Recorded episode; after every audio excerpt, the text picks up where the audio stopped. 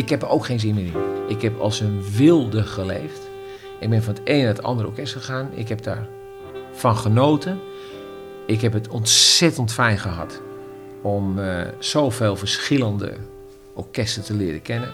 Maar dat ga ik niet blijven doen. Dat gaat voor mij, althans voor mij privé, gaat dat veranderen. Dat zegt Jaap van Zweden, de chef-dirigent van het Hongkong Philharmonic en het New York Philharmonic Orchestra. Hij is Nederlands beroemdste dirigent in actieve dienst. Fijn dat je luistert naar de podcast Klassiek na corona. Daarin probeer ik, muziekjournalist Guido van Oorschot, uit te zoeken hoe de klassieke sector na de pandemie denkt op te veren. Wanneer zitten de zalen weer vol? Komt er artistieke vernieuwing? Gloort er een mooie toekomst? Of zien we een blijvend litteken? In deze zesde aflevering spreek ik Jaap van Zweden in zijn Amsterdamse woning. Het is eind april. Nederland zit nog altijd in een lockdown, maar de terrassen zijn open en er wordt gevaccineerd.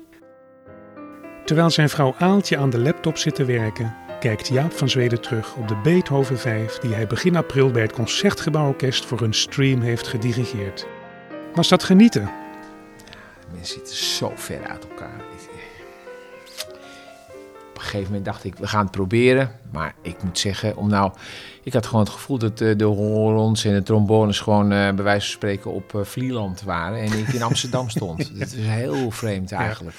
Ja. ja, want ik had je in het najaar nog een keer gebeld. En toen zei je van ja, dat gaat het niet worden. Nee, dat, uh... nee. En um, ik vond het ook best een, een, een, een uh, best een moeilijke, best een opgave om dat orkest gewoon lekker gewoon samen als ensemble uh, te kunnen voelen.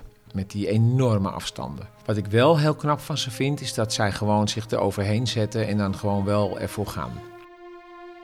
Tja, nu we het toch over het Concertgebouworkest hebben, meteen maar de vraag die velen bezighoudt. Het orkest zit zonder chef sinds Daniele Gatti in 2018 het veld moest ruimen wegens ongepast gedrag. Daar lekt dan een lijstje met gewenste opvolgers uit, een top 3 met Ivan Fischer, Valery Gergiev en Andries Nelsons, maar dat is allemaal op niks uitgelopen.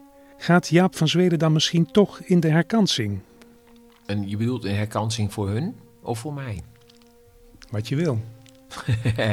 nou, nee, luister, ik, eh, ik vind dat zij hebben zich uitgesproken dat ze, dat ze mij niet als een kandidaat zien. Uh, ik stond daar vrij blanco in. Laat ik het zo zeggen, wat je wil, hè, dat kan je uiteindelijk wel bereiken. Dus, en als een orkest iets niet wil, uh, dan willen ze het niet. En ze hebben gezegd dat ze dus een paar mensen wel willen en een paar mensen niet willen. Nou, ze hebben gezegd, mij willen ze niet. Uh, dan is het zo. Ja. Wat kan ik er verder aan doen? Herkansing? Ja, nee, goed. Ik bedoel, nee. ze vragen me gewoon wel steeds.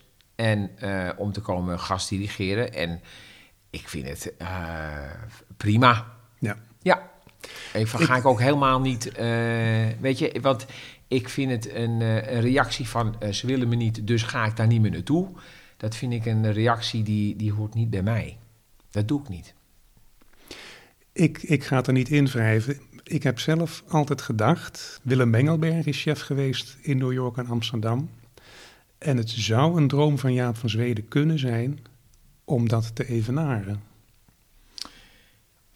Uh, nou, het had, het had natuurlijk, en dat is heel interessant dat je het zegt, bijvoorbeeld de directeur van New York, wat, waarvan ik denk dat zij echt de beste directeur is. Deborah Borda. Ja, ter wereld.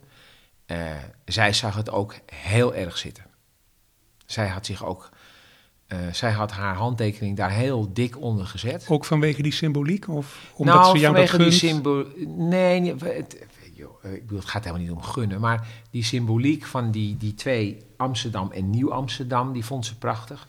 Zij had het ook heel leuk gevonden om zich daar dan uh, tegenaan te bemoeien. En vergis je niet, als deze vrouw zich tegen iets aan bemoeit dan gebeurt er wat. Dan komt er wat los. Ik bedoel, zij heeft in een tijd, in een coronajaar, waarin wij allemaal dramatische dingen meemaken uh, in onze wereld van de muziek en in, in de hele wereld überhaupt, heeft zij wel 650 miljoen bij elkaar gehaald om een nieuwe zaal neer te zetten. En deze vrouw had zich er 100% achter gescha geschaard en had, had echt ook een grote rol daarin willen spelen voor het KCO. Ehm, dus we hebben wel eens zitten dagdromen, hoe dat er dan uit zou zien. En eh, zij, vond, ja, zij, zij vond echt dat dat ook een, uh, een goede combi was geweest. Maar ik heb me er niet zo in vastgebeten als dat mensen misschien denken. Ik heb gewoon gezegd van nou, uh, komt het, komt het, komt het niet, komt het niet. En het is niet gekomen. En ik moet zeggen, ik ben echt niet een, uh, een, een, minder gelukkig mens daarvan geworden, moet ik eerlijk zeggen. Echt niet. Dat zegt de man die in het coronajaar liefst 32 kilo lichter werd. Personal trainer, streng dieet. De knop ging om bij de dirigent die gewend was van hot naar her te vliegen. Maar terug naar de anderhalve meter en al die andere restricties in orkestenland. Eerder in deze podcastserie zei de Rotterdamse orkestdirecteur George Wiegel dat de lockdown op langere termijn de speelcultuur kan aantasten. Denkt Jaap van Zweden dat ook? Hmm, ik helemaal niet. Nee. Waarom niet? Nou, omdat, um, kijk, ik zeg wel eens, een orkest speelt zo goed als dat het wil. En als er een wil is, dan gebeurt het gewoon. Ik zie, um, uh, als een orkest, het is hetzelfde als bijvoorbeeld het, het, kiezen van een chef van een orkest. Als, uh, laten we zeggen, je hebt vijf of, of, of, of tien dirigenten die allemaal in aanmerking komen voor een orkest. En dan als orkest zijnde wil je voor die dirigent wil je gaan. En dan speel je dus voor die dirigent het best. Met elkaar. En zo is het ook met, als je wil dat iets goed gaat, nou, dan, dan, dan, gebeurt dat gewoon. Dus als straks weer een Mahler of Bruckner symfonie met volledig orkest in een volle zaal wordt uitgevoerd. Ja. En die orkestmuzici Kunnen willen zitten waar, ze, waar ze zaten, dat is ook niet onbelangrijk. Dat je elkaar weer kan horen. Ja, oude formatie. Oude formatie. Nou. Dan zeg jij, dan zul jij geen verschil horen. Nee. En jij ook niet. Hm. Dat is optimistisch. Ja. Um, maar zo sta ik nou helemaal in het leven. Weet je, ik geloof gewoon dat uh, waar een wil is, is een weg. Ik heb ook gezien orkesten die oké okay speelden en die tegen mij zeiden: we willen graag een, een toporkest worden, zoals Hongkong. Dan zei ik gewoon: ja, als je het wil, dan, ge dan gebeurt het. Als je het echt wil, gebeurt het. Ja, dat is jouw levenscredo bijna. Um, nou, um, er is natuurlijk een limit uh, aan dingen. Hè? Ik bedoel, um, wij hebben een autistische zoon en die kregen wij en wij wilden heel veel bereiken, zodat hij met twee benen uh, zou kunnen landen in deze wereld. Dat is niet helemaal goed gelukt. Um, maar we hebben in ieder geval ons best gedaan. Ja. En als we even naar jouw carrière kijken, concertmeester, dirigent geworden, met sceptisch bekeken wat dat betreft in, ja, het, in, in, het begin. En terecht. Hoezo terecht? Nou, ik, hoeveel mensen uit een orkest zie je eruit stappen en uh, die niet na één jaar of twee jaar maar, en dan gaan dirigeren, maar na 18 jaar een carrière in een orkest. En die, die dan 9, 38 zijn. En die dan beginnen met dirigeren. Zoals dat die jij. nog chef worden van de New York Philharmonic. En die nog steeds uit worden genodigd door Berlijn, Concertgebouw en noem maar op. Uh, die Hongkong, Hongkong het orkest van het jaar maakt uh, in de gramophone. ja. Van, Oké. Vanwege jullie ringcyclus, hè, waar Ja. was dat? En die dan nog eh, op zijn 38e de hele, he- alle, alle opera's, nog niet eens ooit een opera heb gespeeld, bij wijze van spreken. En, want dat deden we niet veel hè, bij het KCO. En dus al die teksten moet leren. En alles. Dus het is, best, het is best een dingetje, ja. Maar weet je, als je iets met liefde doet, dan is er geen berg die je moet, hoeft te beklimmen. Je gaat gewoon. En dan op een gegeven moment kan je een keer terugkijken. En denk je, ah, s- ja, het kan, het kan. Hoe Maar als je dus tegen mij zegt van, eh, dat er sceptisch was, ja, dat gebeurt gewoon niet veel dat iemand op die leeftijd nog begint. Dus die skepsis, die vond ik terecht. Er is natuurlijk wel een verschil tussen skepsis en iets niet een ander gunnen.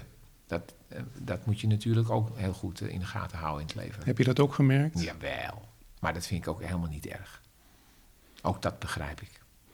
Ik las gisteren nog eventjes wat dingen terug in de New York Times. Ja, En er stond een stuk van eh, Anthony Tomasini. ja. Hij valt eigenlijk wel mee, die Jaap van Zweden.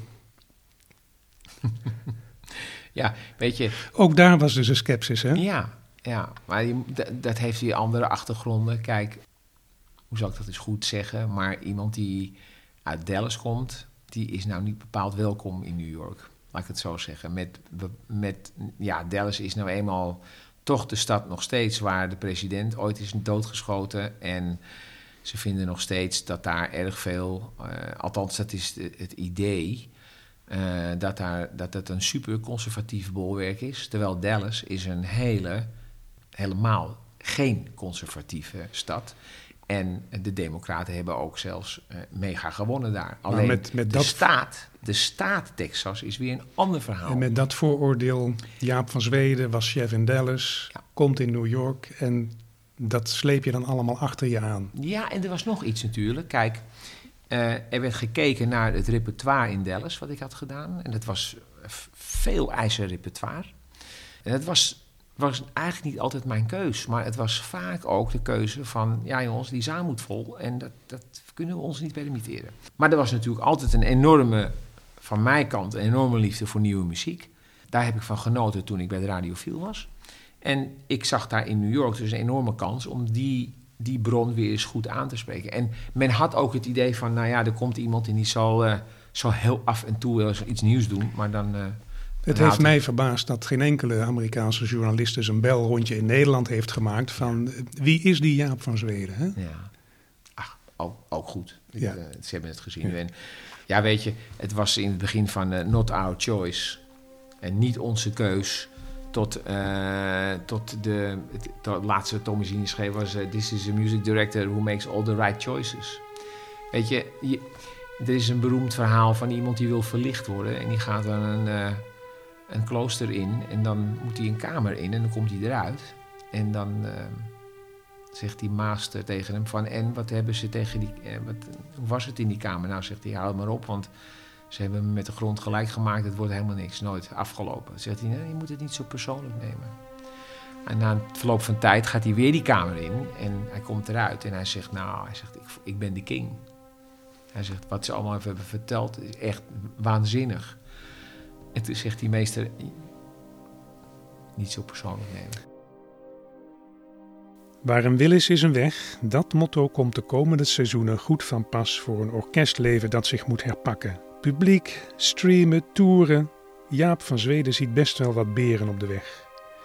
Nu eerst maar eens kijken of hij van de zomer concerten kan dirigeren in Vail, Colorado, het zomerverblijf van het New York Philharmonic Orchestra. Die zien eruit alsof die wel doorgaan. Dus ik ga in juli 3, 4, 5, 6, 7 juli ga ik eh, eerst wat repeteren in New York. En dan eind juli ga ik dan naar Veel. Ik denk dat er ongeveer een paar honderd mensen dan buiten mogen zitten. Dus dat, is, dat ziet er naar uit dat het doorgaat. En dan hoopt men dat eh, september, eh, eind augustus, september, dat Hongkong en New York eigenlijk wel weer eh, zullen gaan beginnen. Hongkong ook. ja, Hongkong ook. Omdat er natuurlijk de vaccinaties zijn daar nu ook in volle gang. Laten we hopen dat er niet eh, een achterstand komt zoals we die nu hier hebben. Omdat wij natuurlijk enorm hebben ingezet op dat AstraZeneca. En dat is, niet, eh, dat is natuurlijk nu verboden. Daarom krijg je weer een achterstand. Maar het is natuurlijk geweldig dat we in een tijd leven dat we wel gevaccineerd kunnen gaan worden.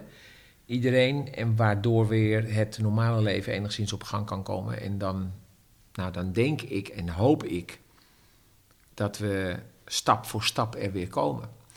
Ik zie nog wel, wel wat beren op de weg met betrekking tot, ehm,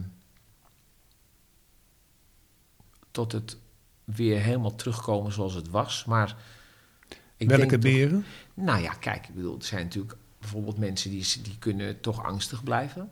publiek. Het publiek. Hè. Hoeveel publiek uh, mag je gaan binnenlaten? Hoeveel publiek wil naar binnen?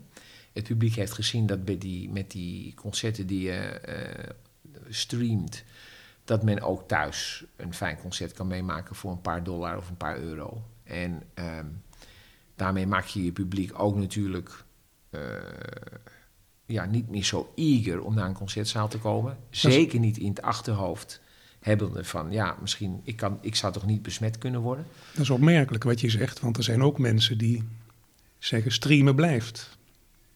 Ja, ik denk ook dat bijvoorbeeld uh, de problematiek die bijvoorbeeld de MET heeft gekregen de laatste jaren, is dat dat streamen in die bioscopen en zo, dat heeft ze heel erg veel mensen gekost die normaal liter toch naar de Metropolitan Opera zouden komen. Dat cannibaliseert op je publiek, bedoel je? Ja, dat kan. Uh, dat, dat, dat, dat kan wel. Kijk, het is natuurlijk heel leuk dat iemand in, uh, in Milwaukee uh, de Metropolitan Opera kan zien in de bioscoop of zelfs bij hem thuis. maar als mensen in New York zelf ook op de tv kunnen gaan kijken, met in het achterhoofd: A, ik kan thuis blijven. Maar B, als ik thuis ben, kan ik nooit geïnfecteerd worden door corona. Dat, dat kan tegen ons gaan werken, uiteindelijk. Dat wil zeggen dat een, een, vollere zaal uh, een utopie gaat worden als je dat blijft voortzetten. Wat voor consequenties, of hoe denken jullie daar bij de New York Philharmonic over? Nou, wij denken dat wij een, uh, een, wij gaan, wij zijn nu aan het verbouwen en we krijgen een totaal nieuwe zaal. David Geffen Hall. Ja, die zaal die wordt voor 650 miljoen verbouwd. Dat geld hebben we opgehaald dit jaar. Dat, dat dan weer wel. En die wordt nou versneld en uitgevoerd? Die wordt nu versneld uitgevoerd. We gaan volgend jaar, oktober, gaan we open. Uh, en wij denken dat de zaal zo attractief is en zo gebouwd kan worden dat die. Allereerst is het natuurlijk een nieuwe zaal, dat is sowieso heel attractief. Maar wij hebben een dusdanige ventilatie in die zaal kunnen neerzetten dat uh, daar optimaal gebruik gaat gemaakt worden van de security, van het uh, verplaatsen van de Daarmee zitters. kun je zeg maar adverteren van mensen als je naar ons komt, je zit veilig. Ja. Maar het streamen, hoe gaan jullie daar dan mee om? Dat zullen we denk ik dan wel af gaan knijpen. Echt waar? Ja, denk het wel. Want wij willen graag volle zaal. Wij willen graag liever vier, vijf keer per week een volle zaal dan dat wij constant uh, streamen. Wij zullen wel concerten blijven spelen op de televisie. Maar dat is wat anders. Er zijn ook mensen die zeggen, bijvoorbeeld George Wiegel van het Rotterdamse Viel, ja. streamen blijft, maar we moeten gaan experimenteren. Moet het gratis of betaald en wat voor prijscategorie? Moet een stream precies hetzelfde zijn als een concert in de zaal? Of kun je daarin gaan variëren? Ja, wat stream je dan? Stream je dan een concert of stream je gewoon een repetitie? Dat begrijp ik niet helemaal. Je kunt een concert streamen, maar met bijzondere cameravoering, ik noem maar wat. Of Hmm. met bijzondere toelichting, of, Ja, of een deel van een concert. nou ja, dat, weet je, eh, ik vind het niet eh, vreemd wat hij zegt. Ik vind het alleen gevaarlijk. Omdat je op een gegeven moment, eh, hou je je, je publiek uit de zaal daarmee. En denk je dat mensen het uiteindelijk toch niet prettiger vinden om er live bij te zijn? Om het Dat hoop ik wel. te, te proeven, te ruiken, te horen? Nou, ik denk dat iedereen dat zal beamen, maar dat, dat er een, een deel van het publiek zou kunnen zeggen: A, ik blijf bang voor eh, COVID. En B, ik vind het plezierig om het orkest te horen, maar ik blijf gewoon thuis. Dezelfde Jos Wiegel zegt, in het begin komt iedereen weer even kijken. Opwinding, hè, de zalen zijn weer open. Ja. Maar dan zal het vijf seizoenen duren misschien voordat we terug zijn op de oude kaartverkoop. Dat zou kunnen, zeker als je blijft streamen. ja, maar ja, als ik heel eerlijk ben, eh, denk ik dat het, daar zit een risico aan. Iets anders, ik sprak uh, Calliope Tsupaki, componist des Vaderlands. Ja. En die zei, er ligt nu een stuw meer aan nieuwe composities Ja. die niet in première hebben kunnen gaan. Daar Ja. heb jij in New York ook Ja. tussen aanhalingstekens last van, want je had heel veel uitgezet. Ja. Wat ga jij met dat stuwmeer doen? Nou, dat gaan we gewoon heel goed verdelen over de komende seizoenen. Niet meteen Natuurlijk, ik pak meteen op, maar ik kan natuurlijk niet alleen maar nieuwe muziek gaan doen. Dat, eh, dat, dat, eh, kijk, een, je, het, een concert is, is en blijft een menu. En je kan, je kan wel een serie hebben bijvoorbeeld van nieuwe muziek. Maar als je ziet het nieuwe, de, de nieuwe programmering van ons voor het komend seizoen. Ah, daar is heel veel nieuwe muziek. Heel veel. Maar wij hebben natuurlijk nog een extra problematiek. En dat is dat wij moeten van zaal naar zaal.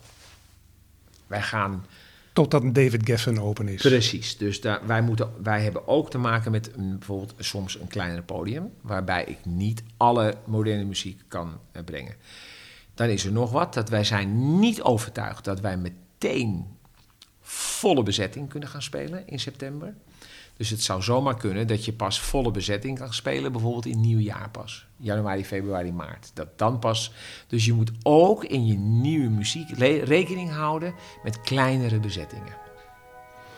Heeft corona en wat je hiervan geleerd hebt, gaat dat bij jullie programmering nog gevolgen hebben? Ga, ga je anders programmeren? Ga je andere concertvormen aanbieden? Uh, ja, um, ik denk dat wij openen waarschijnlijk met een uh, pauzevrij concert. Geen pauze. Um, Blijft dat? Nee, dat denk ik niet. Ik denk dat uiteindelijk gaan we terug ook naar de pauze. Maar ik denk dat tot iedereen ge gevaccineerd is, zal er, is het beter, vinden wij in New York, om geen pauze te houden. Maar goed, er komt een moment dat iedereen gevaccineerd is dat de zalen open zijn en wie weet weer vol zitten. Hoe gaat het dan met het internationale muziekleven? Alles wordt anders of terug naar het oude normaal? Wat anders is waarschijnlijk, is toch dat uh, dit zit natuurlijk toch in ons hoofd, wat ons is overkomen. En ik denk dat er een grote mate van voorzichtigheid eigenlijk is bij de mensheid nu.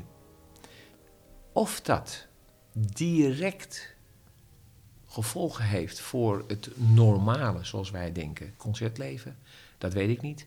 Het zou natuurlijk wel kunnen dat als we de kant van George Wiegel opgaan, dat we in, inderdaad ook wat blijven streamen. Dat wij bijvoorbeeld zullen moeten teruggaan van vier concerten naar twee concerten per week. En dat we één concert streamen. Zoiets. Dat zou kunnen. En dat is dan zeg maar een soort logistieke dat verandering. zou een logistieke verandering zijn. En een artistieke verandering? Een artistieke verandering zie ik in principe niet zo snel. Behalve als je, behalve als je bijvoorbeeld heel lang nu met een niet volle bezetting zou kunnen uh, moeten programmeren. Dan krijg je een andere soort van uh, programmering. En dan krijg je een. Um, ja, dan, dan komen er hiaten in je programmering qua uh, zwaarte van uh, muziekstukken. En ook qua uh, hoeveelheden muzici die met elkaar spelen. Hè? Dus, en ma zoals jij terecht zei, een malen kan op dit moment niet gespeeld worden. Nee, kan niet. Dat is onmogelijk. Ik bedoel. En dan hebben we het nog niet eens over de koren. Hè? Want als er iets is, dan is het wel dat de koren, die brengen heel erg snel uh, problematiek met zich mee vanwege het zingen, waardoor je zeg maar in de lucht met al deze uh, ziektes zit. Uh, of niet al deze ziektes, deze ene ziekte. Waar natuurlijk angst voor is, is dat je, dat je moet gaan oorlog voeren, in principe, met de varianten van deze ziekte. Dus je hebt een, een, nu de Engelse, de Braziliaanse. Maar hoeveel varianten gaan er nog komen? En wanneer moeten we opnieuw ingeënt worden? En tot wanneer blijft die inenting dan werken? En dit zijn allemaal dingen waar, de, waar nog geen duidelijk uh, antwoord op is gekomen. Dus die Maler 8, Sinfonie der 1000, ja, dat is bijnaam vanwege de enorme troepenmacht, zal ik maar even zeggen, aan koor en orkest. Ja, zelfs tweede dat, Maler. Dat kan nog vele seizoenen duren voordat hij weer... Nou, dat weet ik niet. Kijk, als, als er wordt gezegd straks door de door de medische wetenschap. U bent gevaccineerd. U moet om de twee jaar nog een keer een vaccin hebben, maar dan bent u safe. Uh, en dat is geregeld. En er duiken geen varianten op die zeg maar, zich niets aantrekken van de injecties. En dan denk ik dat we een Maler 8 echt wel binnen twee jaar weer kunnen spelen. Maar gebeurt dat niet? Zijn er uitbraken waar mensen uh, en waarbij landen en, en, en waarbij wij allemaal worden verrast weer? Dan denk ik dat er een blijvende verandering gaat optreden. Namelijk die angst die we nu allemaal kennen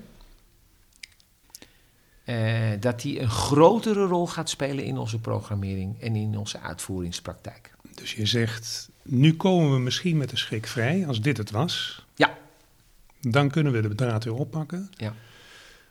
Maar OW, ja. als er een variant komt of een ander virus en we zitten binnen de kortste keren weer in een wereldwijd Dan denk ik dat wij in een hele rare situatie terechtkomen. Hm. Daarbij denk ik dat het toeren van orkesten. Die, dat landschap zal en is definitief veranderd. Dat zal niet meer zoveel gebeuren. Dus de New York Phil of hier het Concertgebouworkest, zoals het ging, allemaal op het vliegtuig. Een Azië-tournee, je gaat van Tokio naar Beijing tegenwoordig, naar Taiwan, Singapore, Hongkong. Dat, kan, dat kan nog lang duren voordat dat weer allemaal. Ja? Nou, dat denk ik wel, omdat het ene land heeft andere restricties dan het andere land. Um, als wij al niet gewend zijn om met een mondkap hier gewoon overdag rond te lopen. En, dat, en je, wil naar, uh, je wil naar het oosten. En dat moet daar allemaal wel. En zo'n land als China of Japan leert natuurlijk van Nederland dat dat hier helemaal niet hoeft, dan weet ik niet of wij zo makkelijk als orkest binnenkomen daar. Want dat, dat weet men. Men vindt van Nederland dat daar heel licht uh, wordt omgegaan met de strengheid die daar verplicht is. En gaan orkesten daaronder lijden? Ja, of? tuurlijk. tuurlijk. Want? Nou ja, kijk, ik bedoel, als je, als je niet een tournee maakt, dan men wil toch wel het orkest waar men een fan van is, wat beroemd is in de wereld, wil men af en toe in, in, in die landen horen ook. Hè? De tournees zijn er niet voor niks. Daarbij een internationaal orkest heeft een internationale klank. En hoe krijg je die internationale klank? Door internationaal op te treden. Dus je moet ontzettend uitkijken dat ja, dat, dat er blijft. Je moet je ook, hè, want we zeggen allemaal wel niet dat we ons meten met anderen. Dat, het is geen competitie, maar het is het uiteindelijk toch wel. De, er zijn nou, eh, de, als we eerlijk zijn, er is een top 5 in Amerika en er, er zijn internationaal toporkesten en subtoporkesten en orkesten die daar weer onder zitten. Dat is er nou eenmaal. Dat is niet erg, want het is niet de Olympische Spelen. En elk orkest heeft zijn eigen uh, ziel en karakter en noem maar op. Maar ja, er zijn nou eenmaal gewoon. Er, is een, degrada, een gradatie. Degradatie moet je mij horen. Er is een gradatie in orkesten, dat is er. Hoor ik jou daarnet nou ook zeggen dat als dat vele seizoenen gaat duren, dat orkesten niet op een riante Azië-tournee kunnen, ik noem maar wat. Ja. Dat dan de orkestklanken, de orkestculturen op de verschillende locaties in de wereld uit de pas gaan lopen of een dialect gaan krijgen of anders zullen worden? Want dat zei je dat niet, van ja, door al die internationale reizen krijg je een soort internationale orkestklank. Ja, kijk naar, eh, naar, uh, naar het eigen Nationale Orkest, het Concertgebouworkest. Dat, heeft, dat is natuurlijk veranderd in de loop der jaren van een heel erg Nederlands orkest, 40, 50, 6 in de 40, 50, 60 jaren, 70 jaren nog, naar een, een internationaal orkest met een, toch een hele andere, bijvoorbeeld, ik zeg het maar gewoon, hele andere houtsectie. Een hele andere eerste hobo-klank, een hele andere houtklank. dat, is, dat is niet meer een Nederlandse klank zoals het was bij Werner Herbers. Uh, nee, dat is, dat, die is veranderd.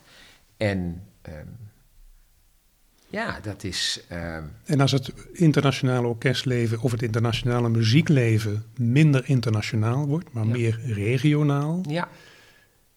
Het hoeft niet altijd alleen maar slecht te zijn hoor, laat, laat dat Nee. voorop staan.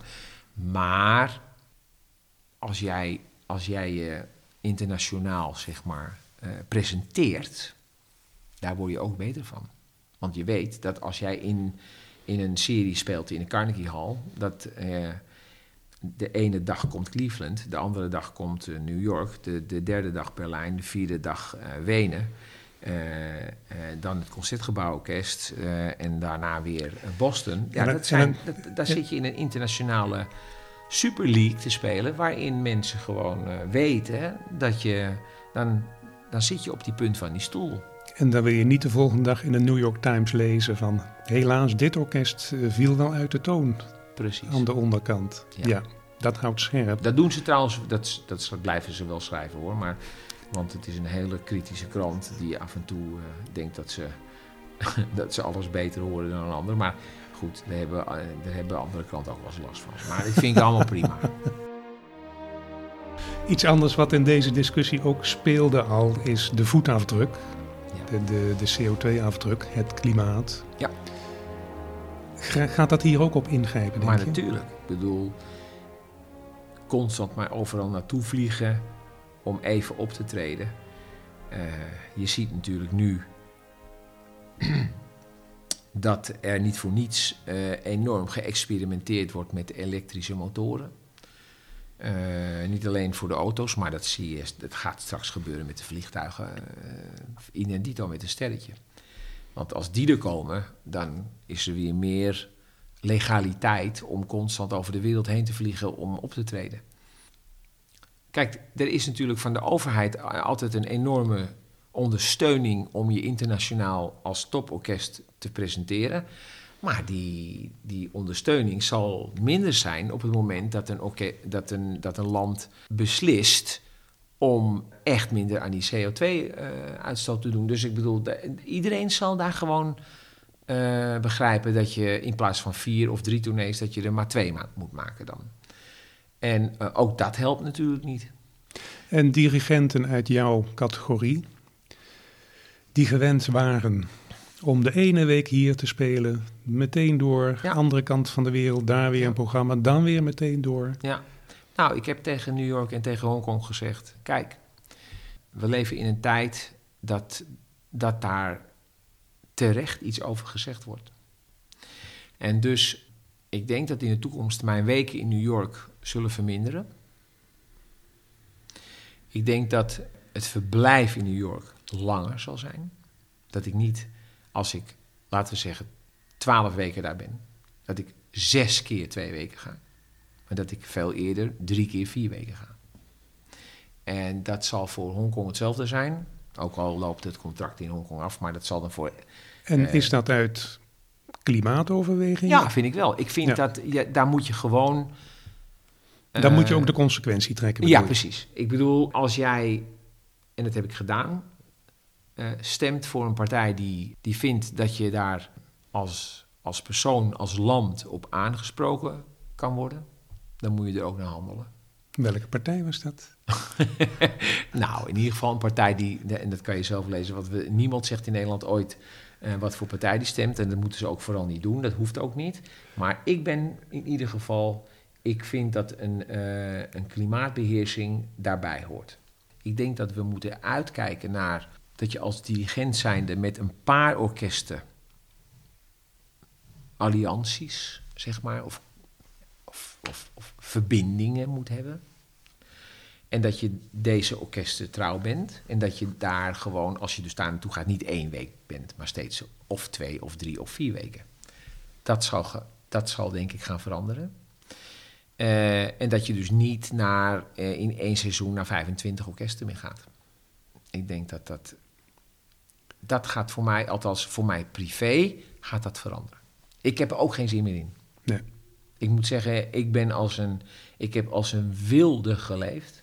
Ik ben van het ene naar het andere orkest gegaan. Ik heb daar van genoten. Ik heb het ontzettend fijn gehad om eh, zoveel verschillende orkesten te leren kennen. Maar dat ga ik niet blijven doen. Ik, ik, en ik denk heel veel eh, dirigenten niet.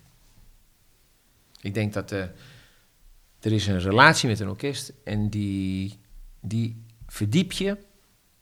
En zo zal het een klein beetje rustiger worden voor ons allemaal.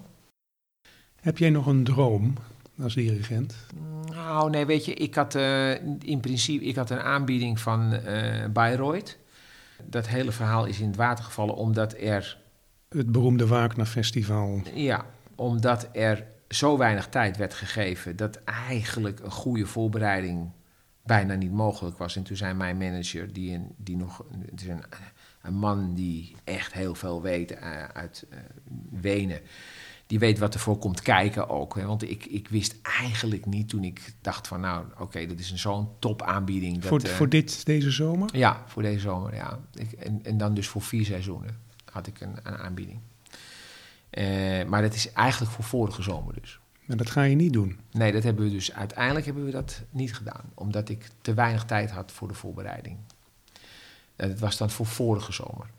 Maar dat is natuurlijk helemaal niet doorgegaan. Nou, als ik nog een keer word gevraagd en ik krijg genoeg tijd daarvoor om dat te doen, dan zou ik ja zeggen nu. Ik wou zeggen, wie, wie wil er niet op die mythische plek ja, maar dat, die aan, ik kan je zelfs laten zien dat ik die aanbieding heb gehad. En dat ik toen heb gezegd, eh, met mijn manager goed heb overlegd. En zei, ja, als je dat in... Uh, kijk, de, de, de, uh, de regisseur was... Re, het zou een regisseuse worden, maar die heeft zich ook weer teruggetrokken. Dus het, het was een beetje, om, het, om eerlijk te zijn, was de organisatie stond gewoon niet. Dat komt ook om in die top van, die, van dat festival zijn heel veel is veel problematiek geweest. Ja. ja. En daar moet je natuurlijk, als je daar gaat staan met een ring, moet je daar niet dupe van zijn. Want je moet wel genoeg tijd hebben om te weten wie zijn de zangers, wie is de regisseur, hoeveel tijd heb ik om met het orkest dit voor te bereiden. En als dat een soort van kloppen, kloppen, snel serveren wordt, en dat doe je dan met een, met een, met een ring in Bayreuth, nou, laat, het dan, laat een dus, ander het Dus dan die maar. droom is... Nou, dat is geen droom, dat was een uitnodiging. En ik okay. vond het leuk om dat te gaan doen. Maar ik vroeg naar een droom. Hè? Is er ja, nog iets nee, wat je... Nee, niet. Nee. Nee hoor. Nee. Je gaat het gewoon rustiger aandoen. Ik ga in ieder geval meer tijd voor gedetailleerder. Familie. Gedetailleerder. Ja, wat, en, en wat ik zei, die relaties, daar een paar weken, daar een paar weken. En niet één week hier, één week daar, enzovoort. Dat, dat gaan we minder doen. Minder kloppen, kloppen, snel serveren. Mij lijkt dat een mooie afsluiting van de podcastserie Klassiek na corona. Want ja, de ooit beloofde 10 afleveringen maak ik als onbezoldigd hobbyist helaas niet vol. Maar houd de Volkskrant in de gaten, want ik laat het onderwerp niet los. Met dank aan het Radio Philharmonisch Orkest voor het ter beschikking stellen van de ouverture Parsifal onder Jaap van Zweden. En fijn dat je geluisterd hebt. Tot later.